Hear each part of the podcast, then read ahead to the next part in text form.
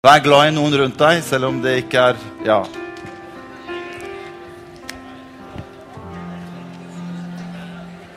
Vær så god, sitt ned.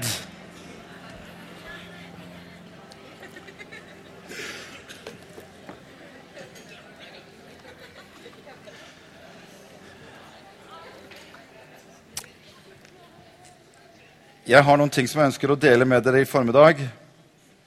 Og eh, jeg gleder meg alltid til å, til å tale til dere. Det er, eh, det er, eh, Jeg kan være andre steder og, og dele, men det å være her sammen med dere, det er det beste jeg kan få lov til å gjøre som pastor. Og det er en, det er en fantastisk forsamling å få lov til å være med og, og betjene. Så det skal dere vite. Og det å tale til dere, det er, kjennes godt. Og jeg blir inspirert. Og jeg håper du blir litt inspirert, du også. Det er veldig bra. Takk skal du ha.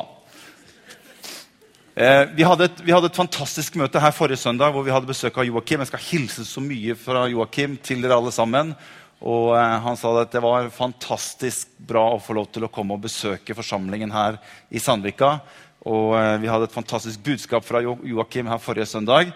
Og eh, jeg kjente at det, det, er noe vi bare ønsker å, å gå videre på og tro at Gud er med deg og meg, selv om ikke jeg har krusninger på ryggen, og selv, selv, om jeg ikke alltid bare liksom kjenner de store, manifesterte nærværet av Den hellige ånd, så vite at Han er med oss uansett. Våge å tro det, og våge å handle på det. At han har sagt 'Jeg vil være med dere hver eneste dag'. Han bor ved troen i våre hjerter. Han er til stede, og vi kan få lov til å gå på hans ord og vite at han er den som står bak sitt ord, og han er den som ønsker å stadfeste sitt ord gjennom, din, gjennom ditt og gjennom mitt liv. Amen. Vi hadde en liten teknisk eh, uheldighet får vi vel si, forrige søndag, så vi fikk dessverre ikke tatt opp den talen med Joakim. Så eh, det må, det, må, jeg bare ta på min eh, kappe. Vi, ja, så det skjer noen sånne glipper innimellom som er dumt, men eh, sånn, sånn, sånn er det. Ok, så har vi bare sagt det. At får, du får komme og høre han neste gang han, han, kommer. Er du klar for å høre litt Guds ord? Jeg, jeg snakker til familien min her i formiddag. Det Jeg ser på dere som familien min, den nærmeste familien min. og Jeg ønsker å bare dele noen ting som har med familien å gjøre. Jeg har kalt det som jeg ønsker å dele med dere i formiddag, fra kjødelig til åndelig. Og Vi skal ta utgangspunktet i et skriftsted som står i Romerbrevet kapittel 8 og vers 6. Det er bare en kort, liten setning som jeg ønsker å ta utgangspunkt i. Og jeg, jeg, bare Før jeg går inn, så ønsker jeg bare å si at jeg ønsker å være åpen. Jeg ønsker å være ærlig. Ja, er du ikke åpen og ærlig alltid? Ja? Jo da. Men altså, det, det spørs liksom hvor, hvor, hvor, langt ned i åpenheten og ærligheten man går. Men jeg ønsker å være åpen og ærlig med dere i formiddag. Og jeg å, er del ting jeg ønsker å si til familien min i formiddag. Jeg ser noen ganger på min tjeneste som pastor så tenker jeg at det er noe av det som den profetiske tjenesten skal ha. Det er til oppmuntring det er til trøst, og det er til formaning. Jeg kan ikke stå her som pastor eller hyrde for denne forsamlingen hver søndag og bare snakke om ting som bare er sånn oppmuntrende og hyggelig og fint. Det er noen ganger jeg opplever at Herren drar meg litt mot andre ting som kanskje har med trøst og kanskje til og med har noe av formaningen i seg. De budskapene er ofte litt tyngre og litt vanskeligere for meg å skal legge foran dere. Fordi jeg opplever liksom at det er ikke den derre Yes! Halleluja! Give him a hand, som Thomas har lest. Det er ikke, liksom, det er ikke den fyre-opp-greia. Men likevel så opplever jeg at Herren noen ganger legger ting i mitt hjerte som jeg ønsker å være med å dele med dere. Så jeg håper du tar det som jeg deler med dere i dag, i beste mening. Si det til sinemannen din. Du må bare ta det i beste mening. altså. Du må bare ta det i beste mening. Du må bare ta det i beste mening. Ja. I Romerbrevet kapittel 8 vers 6 så står det noe veldig interessant. Der står det 'for å ha et kjødelig sinnelag er død'. Men å ha et åndelig sinnelag er liv og fred. Jeg Skal lese det en gang til. For å ha et kjødelig sinnelag er lik, er lik død. Men å ha et åndelig sinnelag er liv og fred. Det er noen ting som jeg går rundt og tenker på for tiden. og det er, det er noen ting som bekymrer meg. Det er at jeg ser i den tiden vi lever i, kanskje mer enn noen gang, veldig mange mennesker som, går rundt og som sliter med ting i livene sine sliter med ting på det personlige plan, sliter med ting i sitt sinn, i sine tanker, i sitt sjelsliv. Kanskje mer enn noen gang. Og da tenker jeg ikke bare generelt i den samfunnet vi lever i, men også inn i Guds forsamling. Kristne mennesker som sliter med ting. Ting oppfattes vanskelig og utfordrende, og vi går rundt og vi bærer på ting i livene våre som er vanskelig og utfordrende, og vi har ikke ro i vårt indre, men det er uro, og kanskje mer uro enn noen gang. I en tid hvor vi har mer tilgang på lovprisning og tilbedelse enn vi har hatt noen gang. Mer enn noen gang når vi har tilbud på alle slags mulige gode forkynnere og lærere. Vi har, vi har podkast, vi har TV, vi har radio, vi har 24 timer med Internett hvor vi kan gå og hente inn alt mulig av ting som skulle egentlig være med og hjelpe oss i livet. Enda, og på tross av det, så noen ganger så synes jeg å merke at mennesker som er født på ny, bare blir, opplever at ting blir vanskeligere og vanskeligere i livet deres. Hva er feil? Noe må være galt. Og disse ting uroer meg. Hør. Det jeg fòrer det jeg gir næring, vil vokse. Når jeg trener for meg selv på å snakke om alle de ting som er negative Når jeg, når jeg gir oppmerksomhet til alle de ting som ikke fungerer i livet mitt, med ekteskapet mitt, med familien min, på jobben min, overalt Det jeg gir næring, det jeg fòrer, det har en tendens til at det minsker ikke. Har du lagt merke til det? Det bare vokser. Fordi det jeg gir liv, det har en tendens til at det vokser, og det får bare større og større makt.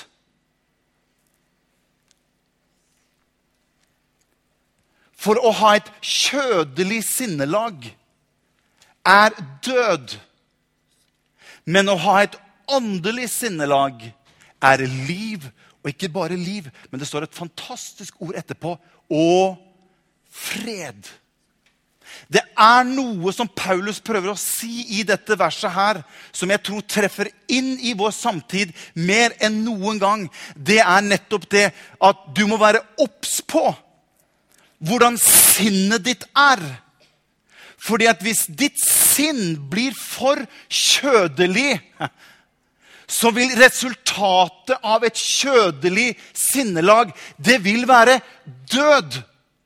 Men et åndelig sinnelag det vil hjelpe deg til å få liv og fred inn i ditt liv. Og det er noe av disse tingene som jeg legger merke til. Fordi at du og jeg, selv om vi er født på ny og kristen, så er det utrolig hvordan jeg merker mennesker. Hvor lett vi har for å gi næring og fòre ting som er vanskelig, ting som er utfordrende, ting som er negativt. Vi snakker om ting, og vi legger ting, og vi styres av den kjødelige siden av sinnet vårt. Og tingene bare vokser seg større og større, og uroen på innsiden blir bare større og større. Og jeg til slutt så opplever jeg at når jeg går og legger meg på kvelden og lukker øynene mine, så opplever jeg at selv om jeg har tatt imot Jesus, så er det uro. Og det er litt noe som river og sliter på innsiden av meg. Og jeg, noen ganger jeg forstår ikke hvorfor. Og det er det Paulus sier her. Hvis ditt og mitt sinn blir kjødelig, så vil det produsere død for meg. Men så sier han, men et åndelig sinnelag, det vil være med å hjelpe deg meg for å ha liv og fred i vårt indre. Vi skal, vi skal se et bilde her. Skjønner, Vi lever i tre dimensjoner som mennesker. Oi, nå må jeg forte meg. Vi lever i tre dimensjoner som mennesker. Vi har kroppen, vi har sjelen vår, og vi har ånden vår. Det er en, en tredimensjonal Ånden vår det er den som blir født på ny. Så når Gud frelser meg, så blir jeg født på ny. Den blir liksom gjort helt fullkommen. Der er det ingenting å utsette på. Så hvis Jesus kommer igjen i neste øyeblikk, så, så ville jeg vært med han hjem. Den er gjort fullkommen. Så har du sjelen vår. Det er liksom det er der hvor tankene mine er, der hvor sinnet mitt er, der hvor følelsene mine er. Det er den, på en måte, den emosjonelle siden av meg som person. Og så har du kroppen til venstre. Det er, der, det er, liksom, det er dette her. Det er det som, som, Paulus snakker om, at et kjødelig sinnelag altså Det har med kjøtt å gjøre. Ordet kjødelig grunn, altså Utgangspunktet der er ordet kjøtt. Det er det som er, liksom er, er utgangspunktet for det ordet. Det, det, er dette her. Det er det du Gamle testamentet vil kalle for forgården. Det er det første du ser hos deg og meg. Det er kroppen vår.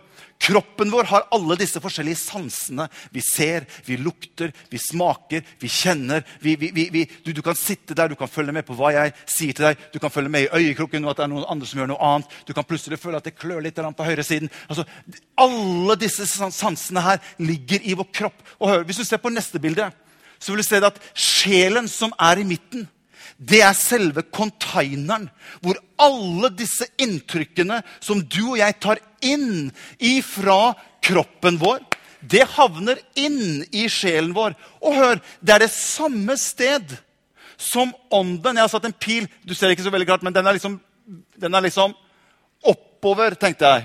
Ser du, ser du, ser du bildet? Her. Toran, altså Pilen er liksom oppover da mot Gud, som kan på en måte gi noen signaler inn i, i, i sjelslivet. Det, alt dette, alt dette samler seg i vår sjel. Utfordringen for deg og meg det er at vi er så trent på å forholde oss til denne siden av livet vårt. Siden vi er bitte små, så er vi trent opp til å forholde oss til de fysiske sansene våre. Alt vi ser, hvis jeg kan høre det, hvis jeg kan kjenne på det, hvis jeg kan ta på det, hvis jeg kan, hvis, hvis jeg kan forholde meg til det, da, da kan jeg forholde meg til det. Og det er på en måte på godt og vondt, fordi vi er skapt slik. Men det som skjer når jeg blir født på ny, det er at jeg kommer inn i en annen tilstand sammen med Jesus. Og han har noe som kan være med på å hjelpe oss inn i sjelslivet vårt. Og Det er noe av dette som jeg ønsker å, å, å dele litt med dere i formiddag. Og jeg har sagt her, bare, Vi kan bare ha det bildet oppe fortsatt. Ting forsvinner ikke så lett når det havner i sjelslivet vårt. Til og med når mennesker har sagt noe til deg og meg, og de har gått derfra, så vil ting som kunne vært sagt mot deg og meg, fortsatt bli værende inni vårt sinn, i våre tanker, i vårt sjelsliv. Ja, selv etter mennesker er død, så kan en, kan en, kan en følelse, kan en, en, skuffelse eller hva som helst, det kan fortsatt sitte igjen inne i mitt sjelsliv. Derfor er det utrolig viktig at du og jeg at vi lærer oss hva tar jeg inn i mitt sjelsliv. Hva slipper jeg inn? Og hva fyller jeg den containeren med? Og hør, for skjønner, Det er det som havner oppi den containeren. Det er ut ifra det jeg tenker med mitt sinn. Det er det som styrer hvordan jeg forholder meg til tingene rundt meg. Det er ut ifra min sjel. Og du og jeg som menneske hør, vi kan ha forskjellige måter og forskjellige områder hvor vi kan føle at vi har en utfordring. Noen mennesker Henger det med fortsatt? Noen mennesker blir veldig lett hva skal vi si, dratt eller fristet mot det som har med det moralske å gjøre. Det kan være lyst, det kan være begjær, det kan være utroskap. Det kan være ting som har med, med, med kroppen min å gjøre. Mens andre mennesker kan ha andre områder i sitt liv hvor man er svak. Det kan være f.eks. sinne, det kan være bekymring. Du, du, du, du, lar lett negativitet komme inn. Du har andre områder hvor du kan dras imot som en svakhet i ditt menneske. Jeg har, som pastor så møter jeg mange forskjellige typer mennesker. Jeg kan møte mennesker og snakke med mennesker som kan ha en tendens til å ha en svakhet mot det moralske å gjøre. Som kjenner på en sterk lyst og begjær som de føler er vanskelig å håndtere. Men de kan være de mest godhjertede, mest fantastiske, snille, oppmuntrende mennesker du kan tenke deg. Men de har en, de har en tendens til å trekkes mot én side. Men så kan jeg neste øyeblikk ha en annen på kontoret som opplever som Jeg ville aldri gått bort og vært utro. Jeg, vil, jeg, jeg, jeg, fristes ikke imot den, men de kan være full av sinne. De kan være full av misunnelse. De kan være full av negativitet. De kan være full av mange andre ting som også er med på å forkludre sjelslivet. Stoltheten lyser ut. Arrogansen bare er der i personligheten deres. Men de hadde aldri gått bort og vært utro. Så vi har masse forskjellige sider som vi mennesker dras imot, og som gjør at vær forsiktig med å være så veldig opptatt av den ene siden. Ikke bare, bare altså, Én kan gå bare bort og være utro, men du kan være den som sprer rykte rundt omkring om at du har en mistanke om at noen er utro. Det er en annen svakhet i vår personlighet som er viktig at vi er klar over. Og Det er derfor Paulus sier at, han sier at splinten i din brors øye, den ser du. Men den bjelken du har selv, den ser du ikke. Dette er, dette er hvordan sjelslivet vårt fungerer. Og Jeg har lyst til å dele noe her. Vi bombarderer våre sanser med alt mulig. Og så lurer vi på noen ganger hvorfor ikke vi har fred i vår sjel. For å ha et kjødelig sinnelag er død. Utfordringen for deg og meg, det er å trene opp den åndelige siden hos oss. Og det er noe av dette her jeg opplever at Gud taler i mitt hjerte. Fra kjødelig til åndelig. For når du og jeg vi har vært så vant med å forholde oss til den siden som er på, som på deres venstre side, at vi har underutviklede åndelige muskler i våre liv. Og jeg opplever noen ganger å møte gjenfødte kristne, absolutt. Men våre åndelige muskler er så underernært og underutviklet at vi vet nesten ikke hvordan vi i det hele tatt skal koble oss på noe av det som har med Guds rike å gjøre, i det hele tatt. Jeg vet ikke om du har vært i en, en, en gym og, og, trent med vekter. Når du trener med vekter De musklene som du bruker minst, det er de musklene som kommer til å gjøre mest vondt. Det var mange som tok den. Ja, det, det stemmer jo, det. Det er da du skal si ja, vet du hva, det er helt, det er helt riktig. Det stemmer, det. De musklene jeg trener minst, er de musklene som gjør mest vondt. Kan jeg få lov til å være litt ærlig med dere i dag? Er det greit? Hvordan kan jeg vite at jeg har underutviklede åndelige muskler? Jo, når det kommer til det som har med Guds rike å gjøre, så har vi en tendens til at vi vi vet nesten ikke hvordan vi skal forholde oss til det. Vi vet nesten ikke hvordan vi skal kobles på hvis vi kommer til det som har med lovprisning og tilbedelse å gjøre. Det som har med bønn å gjøre, det som har med Guds ord å gjøre. Det virker som at du, du, du greier nesten ikke Hvis jeg sier at la oss ta 30 sekunder, og så ber vi litt i 30 Ikke noe mer. 30 sekunder. Så vil mange av oss etter 10 sekunder hva, hva skjer nå? Har de 30 sekunder gått snart? Det her tar jo skikkelig øh. og, skjønner, det er, det, det er ikke det at du er negativ. Det er bare at de åndelige musklene i ditt liv er så underutviklet og underernært at du vet nesten ikke hvordan du skal du, du vet nesten hvordan du skal du vet nesten ikke hva du skal gjøre for noe. Og det er noe av dette jeg tror er årsaken også til at mennesker, når det kommer til det som har med Guds rike, det kjeder deg. For du greier ikke å koble deg på. Det blir noe fremmed for deg, for du vet ikke hvordan du skal ta del i det. Og det er noe av dette som jeg er opptatt av, som er så viktig for deg og meg. At vi lærer oss i livet å ikke ikke bare trene opp, for vi har brukt hele livet vårt på å trene opp alle de andre sansene. Så det er mye enklere for meg å sitte og snakke med en person, for den har jeg der. Og den, den sansen min er så trent opp at det kan jeg forholde meg til. Men å begynne å be til noe som jeg ikke ser, som jeg ikke kan føle eller ta på, som ikke jeg kan forholde meg til Musklene mine greier ikke nesten å, å begynne engang. Derfor greier jeg ikke å koble meg på engang. Jeg får ingenting ut av det.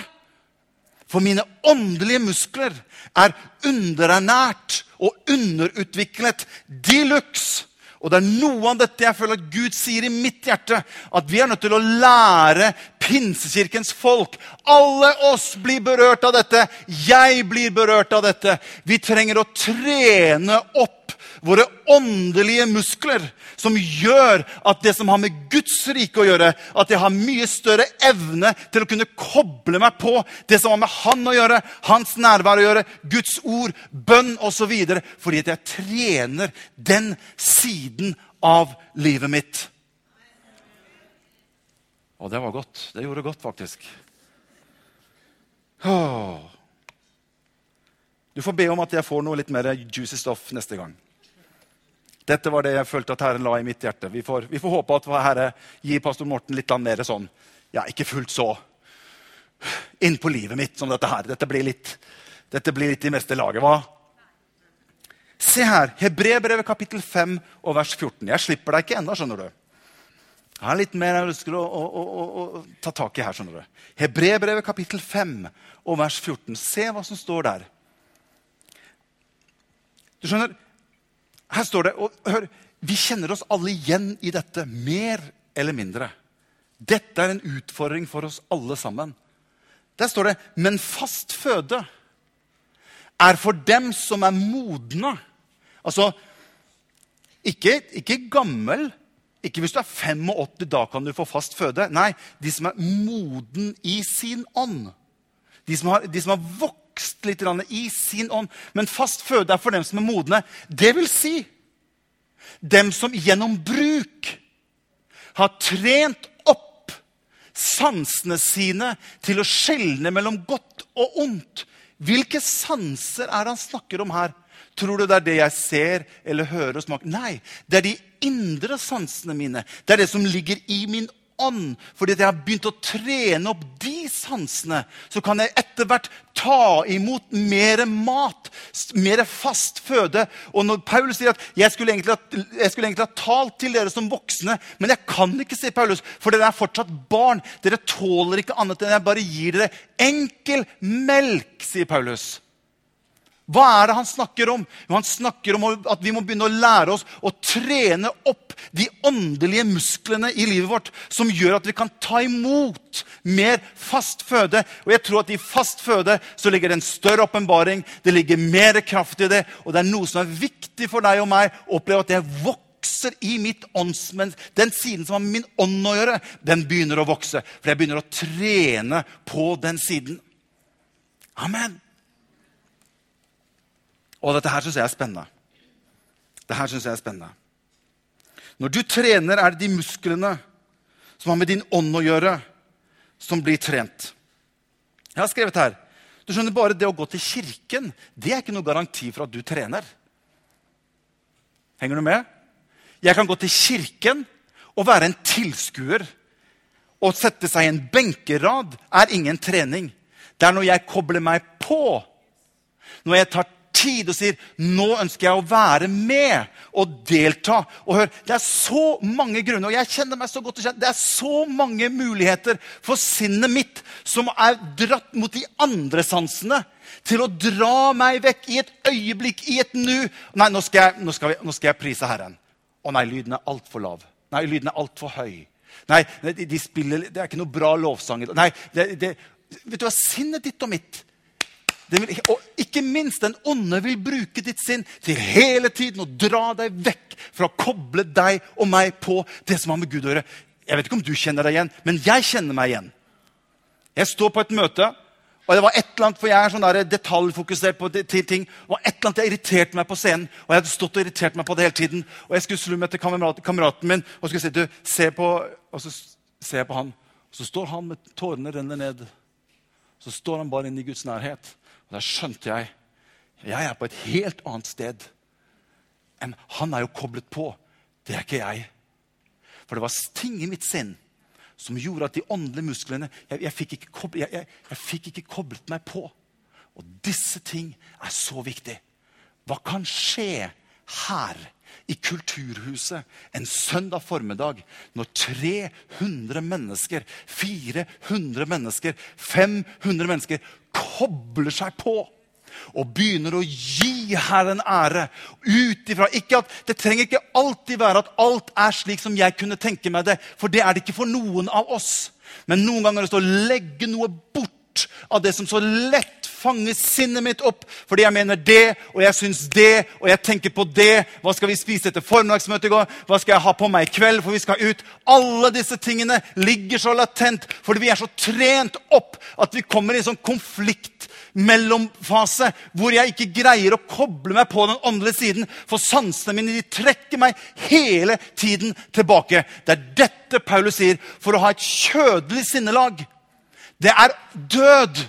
Men åndens sinnelag. Gud har noe for deg og meg som kan være en hjelp inn i ditt og mitt liv. Som gjør at hvis jeg kan koble meg og lære meg å koble på det, så har han ting han ønsker å si til deg og meg. Han har ting han ønsker å vise deg og meg. Han har ting som han ønsker å gjøre i ditt og mitt liv.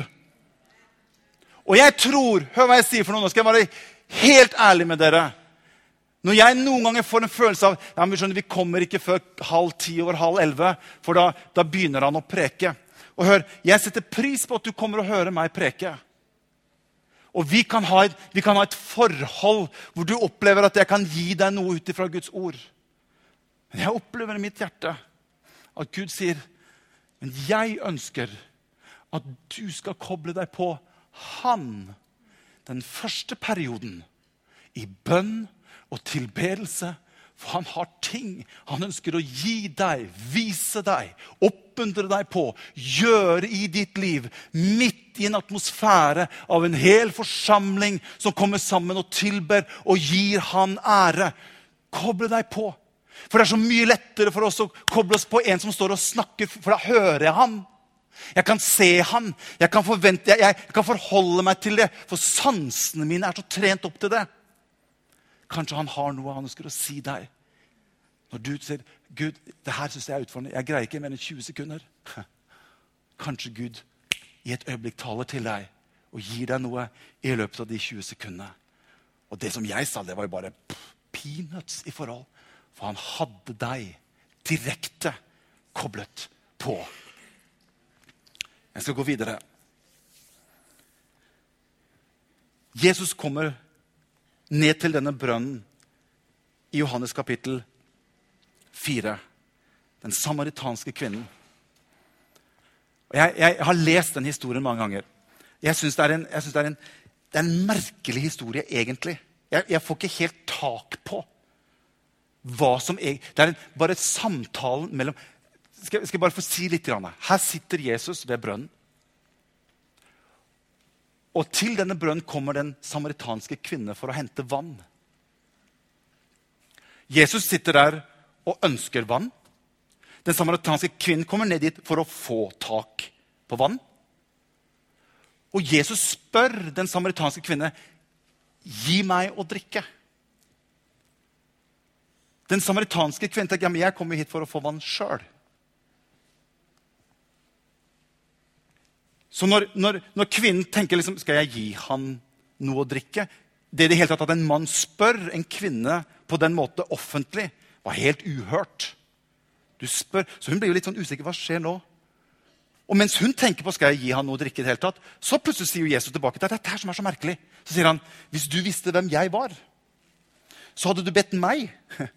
Da blir du helt totalt frustrerende. Da hadde du bedt meg om å gi deg vann. Unnskyld, skal du ha vann, eller skal du ikke ha vann? Så begynner de liksom nesten, å, nesten å diskutere om hvem som har det beste vannet. liksom.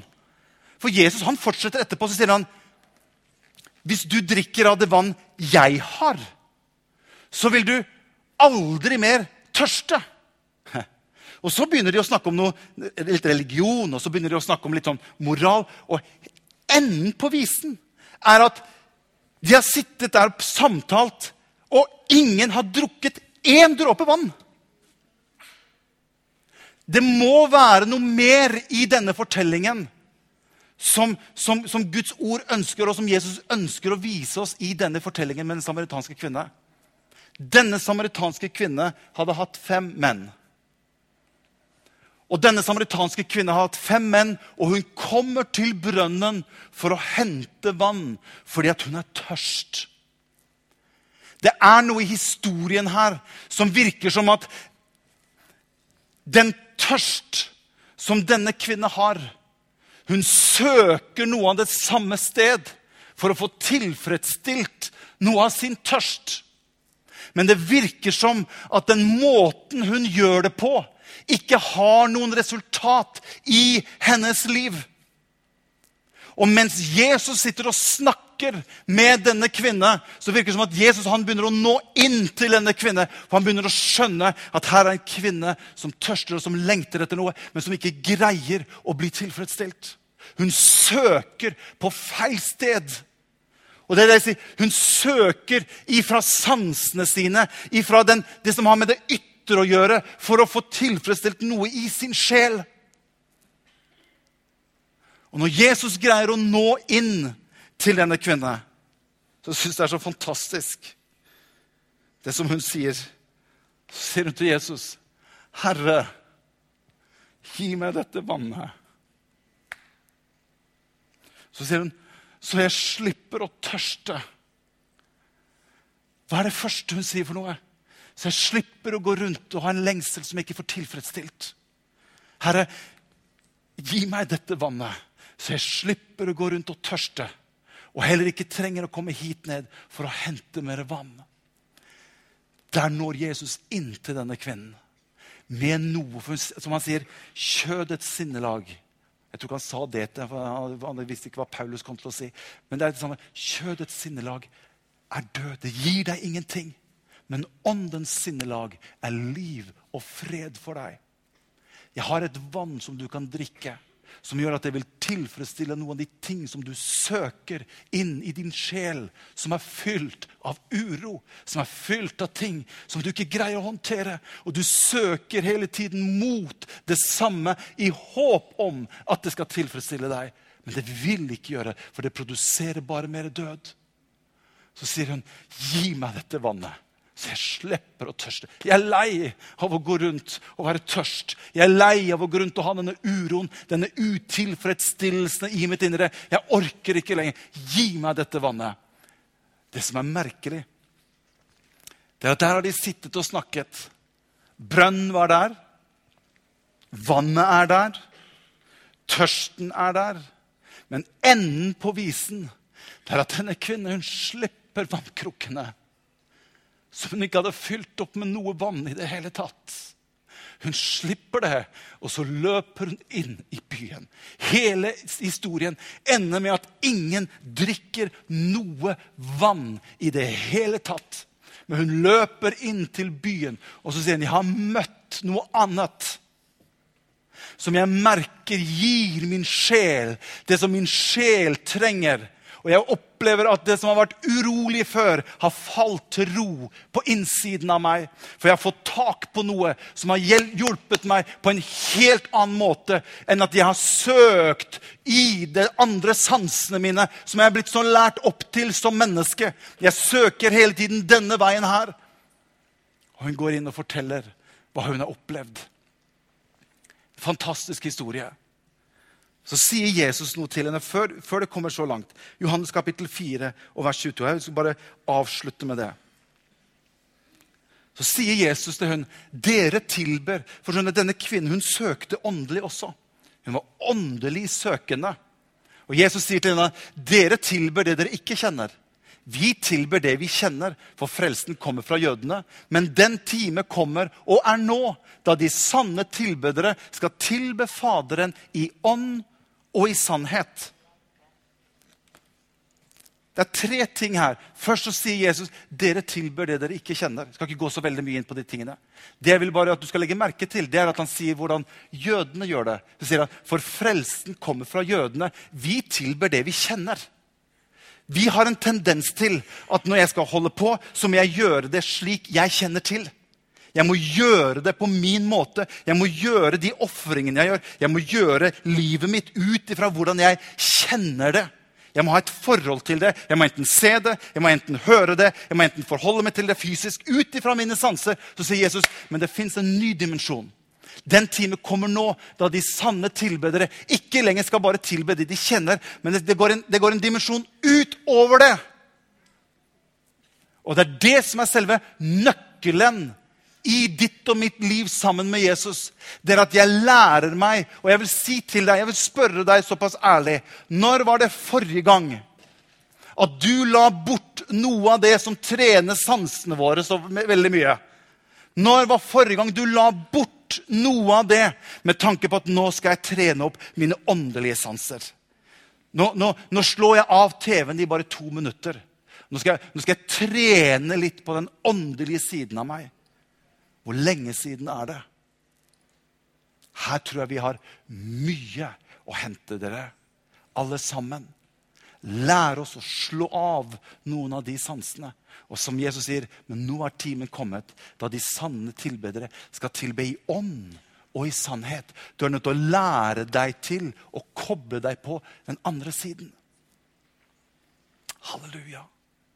Vi lar tingene i vårt sjelsliv fylle vårt sinn og våre tanker, våre omgivelser, så vi greier ikke å se klart engang det som Gud har for oss.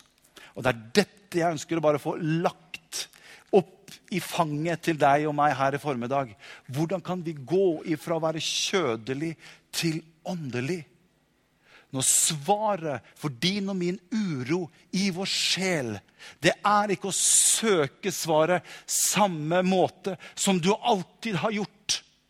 Men å begynne å søke inn mot Han som kan gi deg liv og fred i ditt sjelsliv, i ditt sinn og i dine tanker. Halleluja. Jesus elsker deg. Jesus ønsker at du skal ha fred i dine tanker, i ditt sinn. Han ønsker samtidig å lære deg og meg opp til å koble oss på det som kan gi liv. Den kvinnen lærte det sammen med Jesus. Hun møtte det som var løsningen for henne. Og Jeg er sikker på at denne kvinnen visste hvordan hun skulle koble seg på. Det er derfor det står at 'han fyller all min trang i herlighet'. Det er ingenting han ikke kan tilfredsstille hos deg og meg som menneske. Kan vi ikke reise oss opp, alle sammen?